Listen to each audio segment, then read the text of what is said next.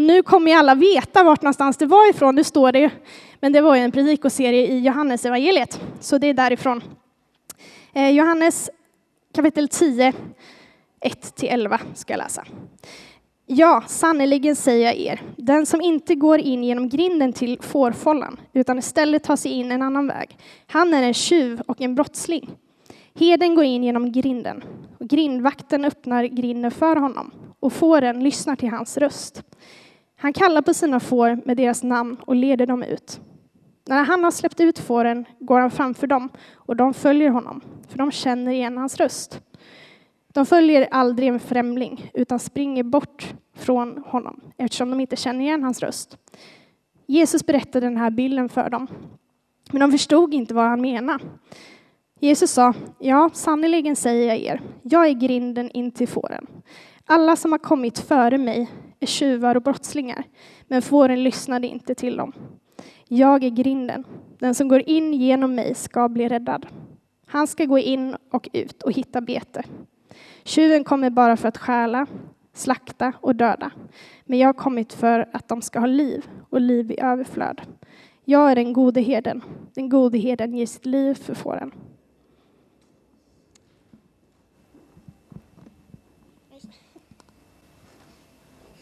Varsågoda och sitt.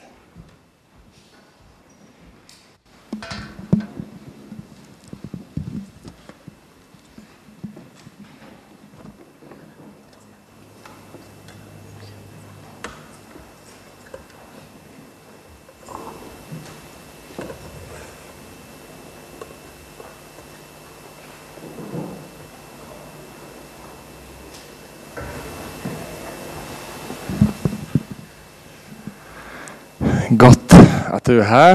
Eh, gott att få ha en stund tillsammans och få lovsjunga och komma inför Gud och få eh, menar bara det att möta varandra är ju härligt i sig, men också den här dimensionen av att, att Gud är här och få vara i hans närhet och, och, och liksom bara låta han få göra det bara han kan göra med våra hjärtan. Det, det är fint och det är stort på så många plan och vi tror att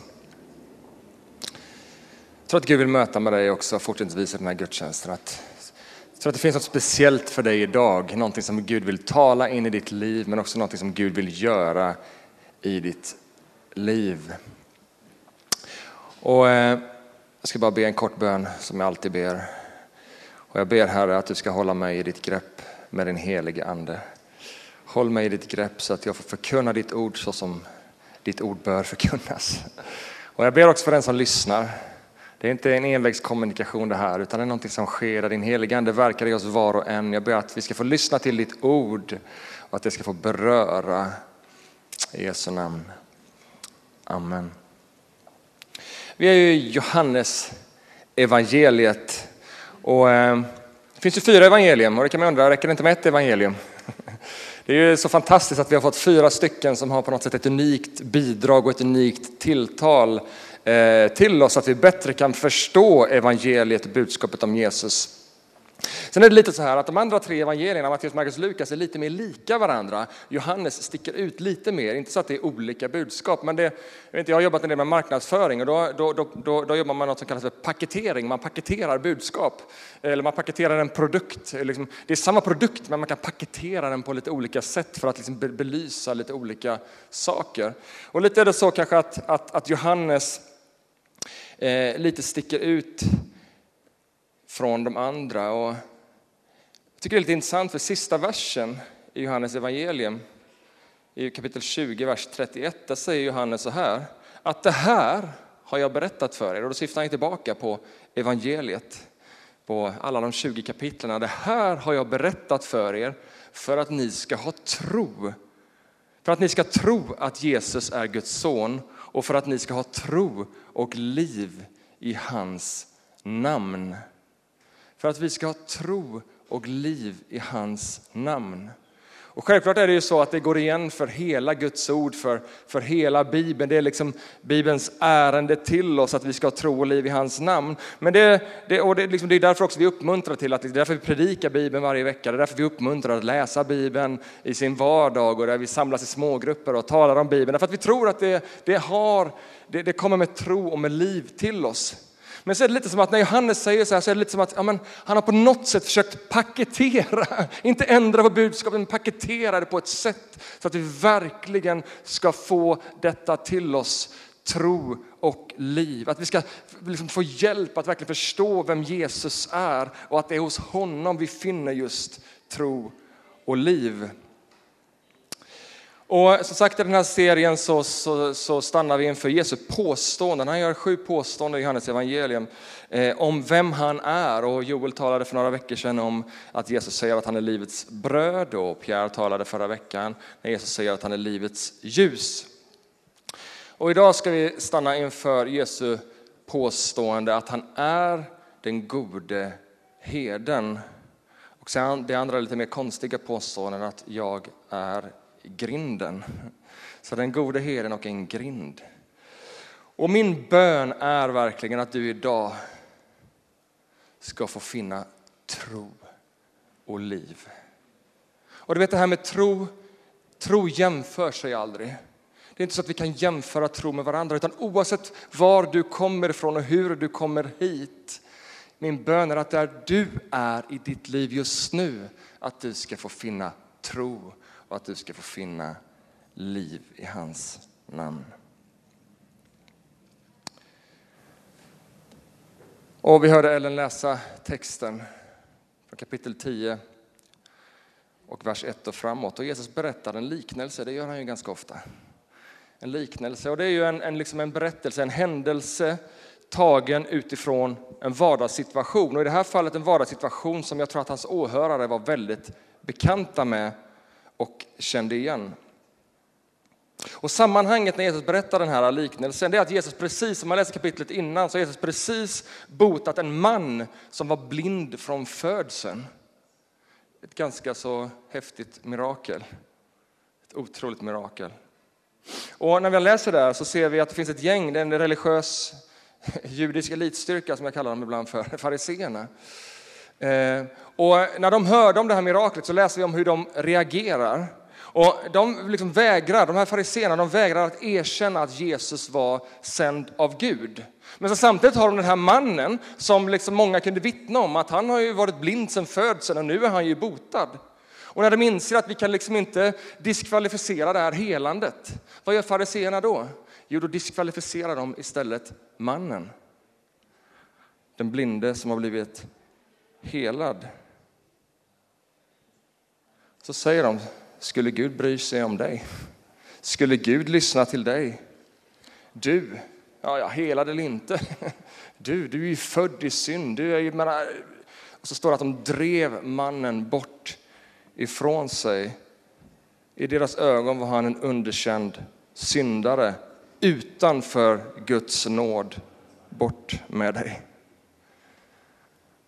Och så avslutas kapitel 9 med hur Jesus är som att han kallar den här mannen till sig och han har hört vad som har hänt, vad fariséerna har gjort mot honom. Och så Jesus är så annorlunda mot fariséerna som stöter bort honom. Jesus kallar honom till sig. Och så bekräftar han den här mannen i sin tro. Och han öppnar inte bara mannens fysiska ögon utan han öppnar också mannens inre ögon.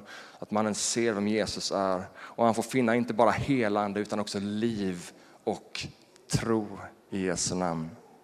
Så det här är bakgrunden, det här är kontexten till när Jesus berättar den här liknelsen. En liknelse som handlar om att vara känd av Jesus och att känna Jesus. En liknelse som handlar om relation framför religion. Och eh, jag vet inte hur det är med din relation till får. Har du någon relation till får? Eller herdar? Jag vet inte. Det är liksom ungefär, ja, men får är väl lite gulliga, vi ser dem i den här äh, toapappersreklamen och de ser så himla gulliga ut. Så ser man dem i verkligheten så är de skitiga och liksom inte alls lika söta. Men ungefär där slutar liksom våra referenspunkter. Men för åhörarna så tror jag att det här var en vardaglig, Jesus tog en händelse från en vardaglig händelse, någonting de kunde relatera till och faktiskt också en händelse eller en bild som är full, var full av innebörd för dem som lyssnade. Så idag vill jag lyfta fram tre saker ifrån den här liknelsen som jag tror var bland annat vad Jesus menade när han berättade den, men också vad jag tror att faktiskt åhörarna hörde när Jesus berättade den här eh, liknelsen. Och det första jag vill lyfta fram är intimitet. Jag vet inte när du tänker på får och herdar, jag vet inte om det första du tänker på är intimitet. Ja, när jag tänker på herdar och får så är det snarare mer en sån här hyfsat opersonlig relation. Vi, ganska exakt för ett år sedan så bilade jag med familjen genom Skottland. Och menar där, kullarna tar ju aldrig slut, liksom. det är kullar så långt man ser och fåren tar heller aldrig slut. Det är får så långt ögat ser. Man ser ingen herde, det känns liksom så här, okej. Okay. Och det är väl ungefär min bild av det här, liksom, att det kommer en herde på en fyrhjuling ibland liksom, två gånger i veckan och kollar så att, så att det är okej. Okay. ungefär så. Men herdens relation till sina får i Mellanöstern på den här tiden. Och faktum jag förstår det som så är det fortfarande eh, så här lite grann i vissa områden i Mellanöstern än idag. Att fåren, herdens relation till fåren är lite mer så som vi relaterar till våra husdjur. Ni vet, hunden är människans bästa vän, fast här är det då fåren som är människans bästa vän. De sover i sängen. Jag menar, jag vet min syster har skaffat en liten kattunge precis och jag hör att katten sover över ansiktet på natten. Jag bara, vad håller du på med? Stäng in den på toaletten. Nej, men det kan jag inte göra. Så den sover rakt över huvudet. Eh, ja, men det är liksom så här vi liksom hanterar våra husdjur. De bara får ta bara plats och vi, vi liksom nästan, det blir som en bästa vän på många sätt. Och herdens relation till sina får var mycket mer likt det där, våra husdjur, än liksom storskaligt bonderi. Och Jesus säger i texten så här i vers 2. Heden, och sen vers 3. Heden kallar på sina får med deras namn och fåren lyssnar till hans röst. Och de följer honom för de känner igen hans röst. Heden kallar sina får vid namn.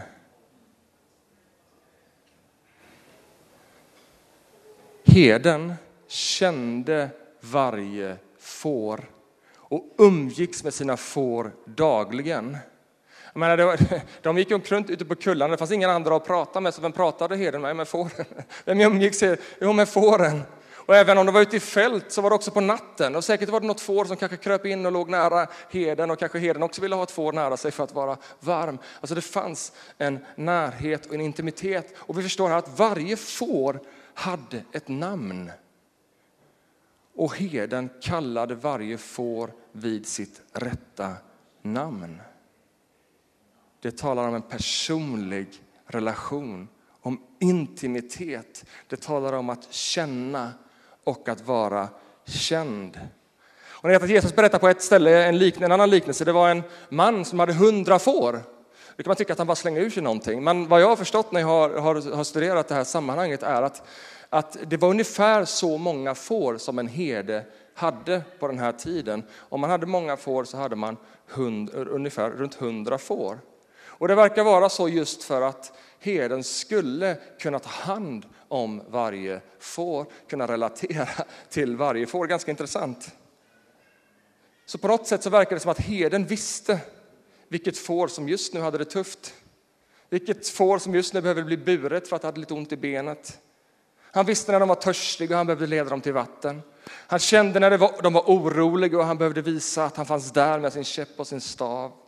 När de var trötta. Han kunde ta hand om dem på ett personligt sätt. Han var där med dem, nära. Intimitet. Och eh, när han berättar den här liknelsen så ger Jesus så beskrivs några olika scenarion. Och ett av de här scenarierna är när det börjar bli dags för kväll. Och eh, då så står det att ibland kan heden leda fåren in i en stad eller en ort. Och det verkar vara så, och vad jag förstår det som så kan det vara så här än idag, att det fanns ungefär som fårhotell. Man kom in liksom i Betlehem där, så fanns det ett fårhotell. Alltså en fårfolla som någon vakade över. Och ibland behövde ju heden liksom göra saker som är lite lättare att göra när man inte har hundra får på släptåg. Så man, då checkade man in sina får i den här fårfollan, i det här fårhotellet. Under natten för att springa iväg och göra andra saker och få sova kanske lite bekvämare. Och på morgonen, när herden kommer för att hämta fåren, då säger Jesus så här. Då kallar herden på sina får med deras namn, igen då, med deras namn, och leder dem ut. Lyssna nu. De följer heden för att de känner igen hans röst. De följer aldrig en främling utan springer bort ifrån honom eftersom de inte känner igen främlingens röst. Namn efter namn. Kanske en unik signal som bara den heden hade, som fåren kände igen. De kände igen hedens röst och det följde heden och ingen annan. Se det här framför dig. Du har den här stora fårfållan. Och, och där är liksom kanske ett tiotal herdar har kommit och lämnat in sina får. Det är fullt med får. Och när just den här specifika herden kommer så ropar han ut namn efter namn och kallar på dem med sin unika röst. Och 90 procent av fåren de bryr sig inte utan går åt sidan, men 10 procent, de här 100 som tillhör den här, följer med honom ut. Fascinerande. Och det här är ju lite en lektion i antik fåraskötsel. Men jag tror inte det är det som Jesus är intresserad av att liksom lära oss på det sättet. Och jag tänker kanske är det så här att varför tar Jesus den här bilden? Men kanske är det så att de står precis bredvid en sån här fårfålla. Och Jesus tar tillfället i akt och bara delar med sig, precis som ni vet hur det fungerar här. För att lära dem djupare sanningar, för att lära dem om den relation som Jesus bjuder in dig och mig i med sig själv. För han säger i vers 14, inte en lektion i antik fårskötsel, utan jag är, säger han. Jag är den gode heden och jag känner igen mina får och de känner mig. Och lyssna nu här, vers 15. På samma sätt, de känner mig på samma sätt som Fadern känner mig och jag känner honom. Och jag ger mitt liv för fåren. På samma sätt som Fadern och Jesus lever i gemenskap. Alltså det är, vi har nästan svårt att förstå, det är en intim relation. Samma gemenskap bjuder han in oss i inte smulor. Inte lite. Inte liksom så som att han säger sitt ja till dig, eller sitt kanske. Jesus säger sitt fulla ja till dig. Han vill ha dig i intim gemenskap med sig. Du är en Jesu vän. Du är inbjuden till intimitet med honom. Jag ger mitt liv för fåren. Ja, han ger sitt liv för att få vara nära dig. Jag vet inte hur det är med dig, men det kan vara så med mig ibland att det är lätt att tänka, vem är jag inför Gud? Visst, han kanske bryr sig om mig på ett kollektivt plan. Ja, men han relaterar till mig som liksom en stor fårskock på kullarna i Skottland. Jesus berättar någonting annat i den här liknelsen. Han relaterar till dig på ett personligt plan. Jesu bild kan inte bli tydligare i hur mycket han älskar dig. Lyssna nu, i hur mycket han älskar dig. Hur nära sig själv han har bjudit in dig, inte på avstånd inte lite då och då när liksom han får lite feeling. Nej, han har bjudit in dig i sin närhet för han älskar att vara nära dig. Men det känns inte så. Nej, men det är sant ändå. Det är sant. Han säger det själv. Det är inte en predikant som blir lite exalterad och liksom ropar ut de här sakerna. Det är Jesus själv som säger detta. Så som Fadern och jag, Fadern och Sonen lever i gemenskap, så är ni inbjudna till gemenskap med mig.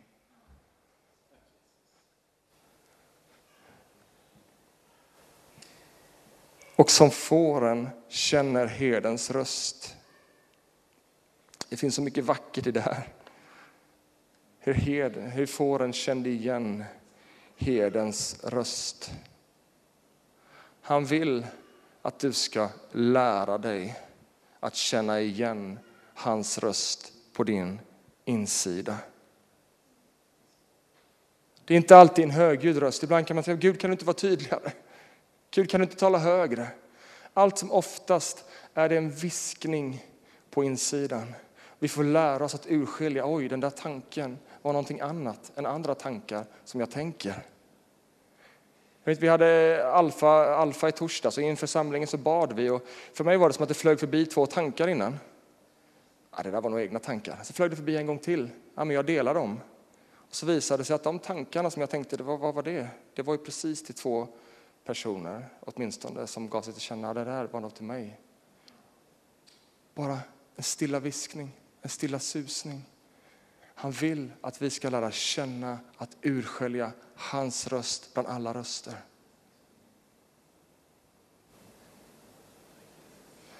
Häromkvällen, ett par veckor sedan nu, så, så eh, skulle jag natta våra barn. Jag har fått tillstånd från mina barn att berätta det här. Och Emelie var bortrest, så eh, vi sov alla inne i, i mitt rum. Det är mysigt. Tre ungar, eh, ser ut som husdjuren över ansiktet och huvudet.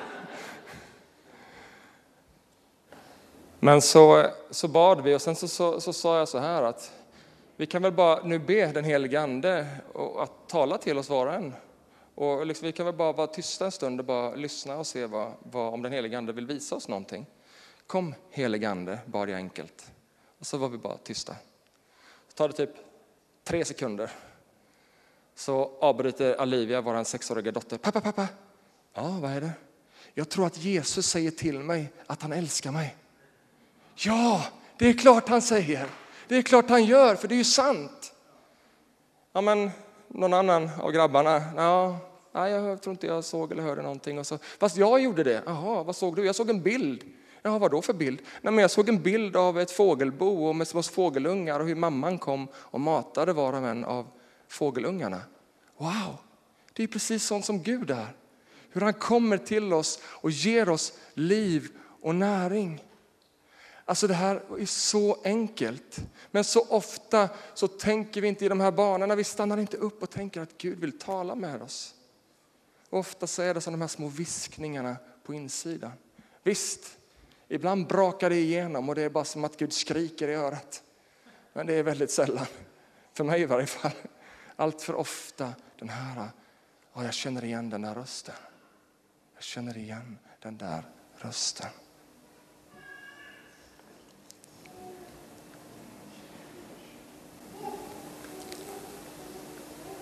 En röst som leder oss på rätta vägar. En röst som leder oss till gröna ängar och till vatten där vi finner ro. Du vet, Jesus vill inte vara en avlägsen, opersonlig kraft i ditt liv. Han vill närhet. Det andra som jag vill lyfta fram, och det här var den längsta punkten, nu blir det kortare och kortare här. Bara så du känner dig trygg.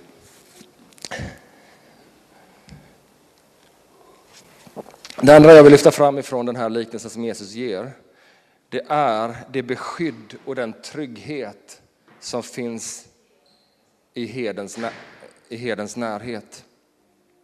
Kung David, han som också är en herde, han säger i psalm 23 att även om jag vandrar i den mörkaste dal så fruktar jag inget ont, för du är med mig. Jag menar, herden hade väl en, många uppgifter, men en grunduppgift är ju att leda fåren, men också att beskydda fåren. Och, och allt som oftast tror jag att, att det var, liksom man ledde, ledde fåren på ett sätt för att undvika fara. Och fåren var helt omedvetna om att det hade funnits fara i närheten. Och jag tänker ibland, wow, undrar hur många gånger du Herre har lett mig förbi olika faror och jag har varit helt ovetande om det. Men ibland så verkar det vara så att även om vi vandrar i dödsskuggans dal, alltså ibland fanns ingen annan väg för herden än att leda fåren genom fara, genom den mörkaste dal. Men då fruktade fåren inget ont, därför att herden var där med sin käpp och stav för att beskydda fåren. Och lite är det som att den här liknelsen som Jesus berättar är som en illustration av vad som händer med den här blinde mannen. Jesus klev ut med sin käpp och sin stav till den här mannens försvar. När fariseerna försökte stjäla mannens glädje. De försökte stjäla ifrån honom det här. Men tänk dig, han har varit blind som födseln och nu kan han se. Han måste ha varit helt exalterad. Så kommer de här ruttna fariseerna. Vad är det med dig, din syndare? Du, liksom, vad tror du om det? Vad tror du? Och Jesus kliver fram. Han är med mig.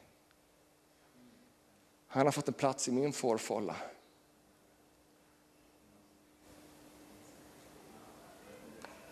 Fariseerna gick fiendens ärende.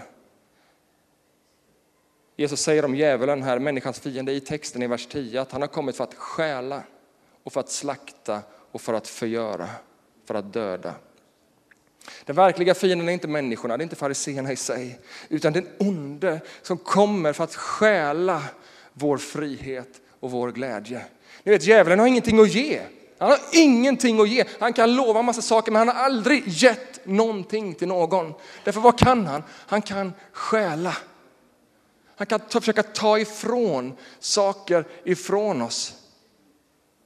Han vill så in lögner i våra liv som liksom stjäl vår intimitet med Jesus. Att vi tror att Nej, men jag är nog jättelångt borta, Gud bryr sig inte om mig.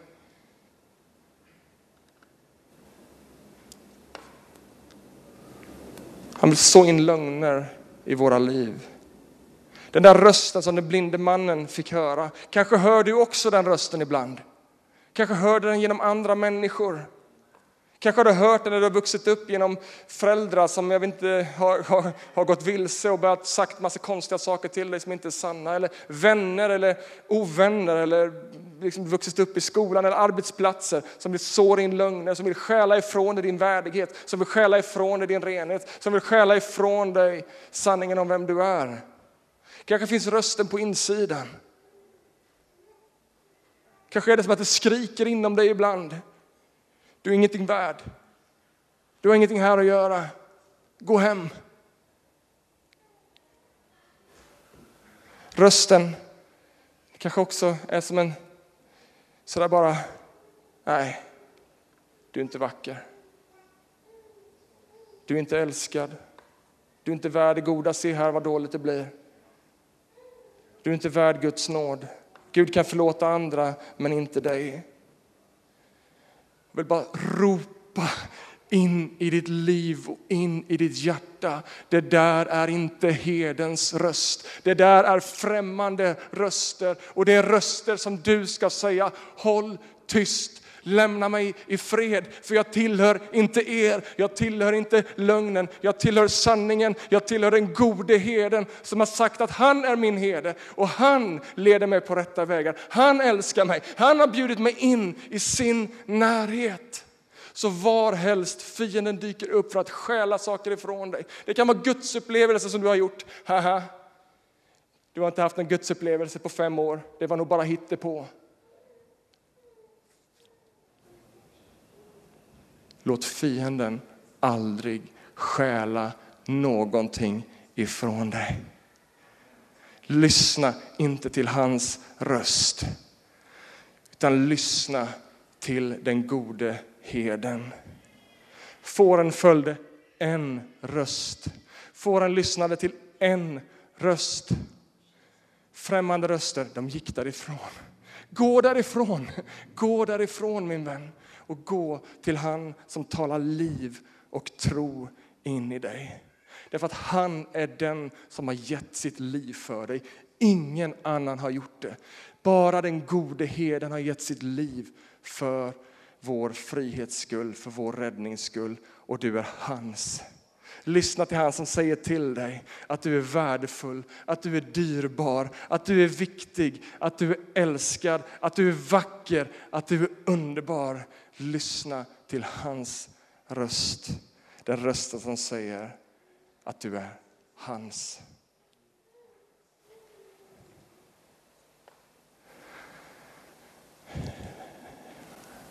Och så kommer vi till den här grejen också att Jesus säger att han är en grind. Märklig grej kan man tänka. En grind. En dörr. Hur kan man vara en grind? Och ännu mer konstigt, hur kan man vara en herde och en grind samtidigt? Har du tänkt på det? Kan du se den bilden framför dig? Faktum är att det inte är konstigt alls. Utan när det var kväll så hade herden två alternativ. Det ena var, som vi redan har nämnt, att gå in i en stad och checka in fåren på ett fårhotell. Det kostade säkerligen pengar, så det gjorde man säkert inte ofta, utan oftast så låg man ute med fåren i fält. Och då tror man att det var så här, eller man i princip vet att det var så här, att det fanns fårfållor. Man kunde inte bara låta fåren sova hur som helst. Liksom. Det fanns lejon i Mellanöstern på den här tiden. Det fanns massor rovdjur och allt möjligt. Så man var tvungen att liksom skydda fåren. Och då fanns det fårfällor, fårfällor, fårfållor. Underbart. Fårfållor ute i fältet. Det kunde vara liksom törnebuskar som var formade, eller det kunde vara en grotta. Det kunde också vara att man hade lagt upp stenar. Men det fanns ingen grind utan heden var grinden. Så man samlade in fåren här inne i det trygga och så la sig heden i öppningen. Det är vad man tror att det var så det fungerade. Vilken mäktig bild när Jesus säger att jag är grinden. Om vi har gått in genom grinden, och det är ju början av den här bilden, att det finns ingen annan väg in än genom Jesus Kristus säga sitt ja till honom, som mannen, den blinde mannen fick göra. Fick säga sitt ja till Jesus. Men när man har gjort det, då lägger han sig i gapet till vårat försvar. Mäktig bild som säger att fienden har ingen rätt till dig. Fienden har ingen rätt till dig. Också vi som kristna kan uppleva attacker kanske tror att det är något fel på dig för att du upplever dig attackerad ibland. Det är inget fel på dig. Också vi som kristna upplever fiendens attacker. Kanske har fienden brutit sig in. Kanske har du tillåtit muren att vara rasad på vissa områden i ditt liv. Idag så kan du få komma till Jesus bekänna saker som behöver bekännas eller be honom, Herre res upp mina murar. Res upp mina murar. Jag vill vara din och jag vill inte vara någon annans.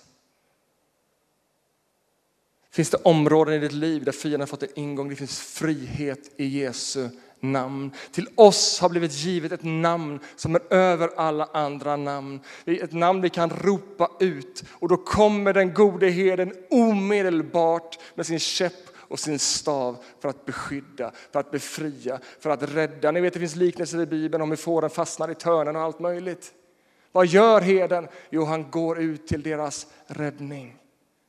Herren vill rädda. Du kanske tänker jag måste leva med de här tankarna, jag måste leva med den här förkastelsen, jag måste leva med den här fördömelsen, jag måste leva med den här ångesten, jag måste leva med det här mörkret. Du behöver inte leva med det, utan du kan få ge det eh, till Jesus. Och kan det, ibland är det inte en enkel, en snabb lösning, det kan vara en process. Men vet du vad? Frihet finns i namnet Jesus. Seger finns, helande finns i namnet Jesus.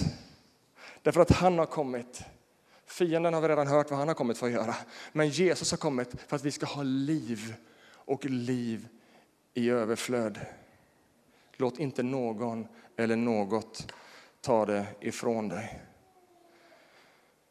Nu blev den här punkten lika lång. Det är inte mitt fel. Nu ska jag vara snabb. Det sista, jag har ju sagt att det ska vara tre saker, så får det vara en sak till. Då. Det sista som, som jag vill lyfta fram från texten, det är att när, när, när Jesus använder den här bilden och säger att han är den gode heden så är det glasklart för hans åhörare att han gör anspråk på att vara någonting mer än bara en vanlig människa. Han gör anspråk på att vara Israels Gud. Genom Gamla testamentet så beskrivs gång på gång Guds folk ledda utav heden, Jahve, Gud. Vi har redan citerat psalm 23, man kan läsa Jesaja 40 som talar om heden. Och sen vill jag bara läsa också från Mika 5 och 2 för det är en sån mäktig text. Men du Betlehem, snacka om profetiskt också långt innan. Men du Betlehem, från dig ska ges åt mig en som ska härska över Israel. En som har sitt ursprung i det förflutna i eviga tider. Är ni med mig? Det här är något, något, något utöver det vanliga, eller hur? Han ska träda fram och vara en herde i Herrens kraft, i Herrens, sin Guds namns majestät. Och de ska leva i lugn och ro, för han ska vara stor över hela jorden och han ska vara vår frid. Och jag vill bara nämna det här i slutet, därför att han som är din herde är inte en liten gullebulle, lite, det är Gud själv, han som är av evighet till evighet, han som är härskare och mäktig Gud. Han förmår att befria, han förmår att rädda, han förmår att beskydda. Och denna mäktige Gud är också han som har bjudit dig in till intimitet med sig själv. Det kan också vara så, när Jesus berättade den här bilden, Ordet för grind och port, det är samma ord. Så när Jesus säger att han är porten eller grinden, så kan det vara så att hans åhörare också började tänka på den kändaste porten by far inom judisk kultur. Porten in i tabernaklet, porten in i templet, porten in i Herrens härlighet. Och jag tror också att det är teologiskt korrekt. Att när vi går in genom porten Jesus Kristus så går vi in i hans närvaro, i hans härlighet. Den platsen vi är inbjudna till.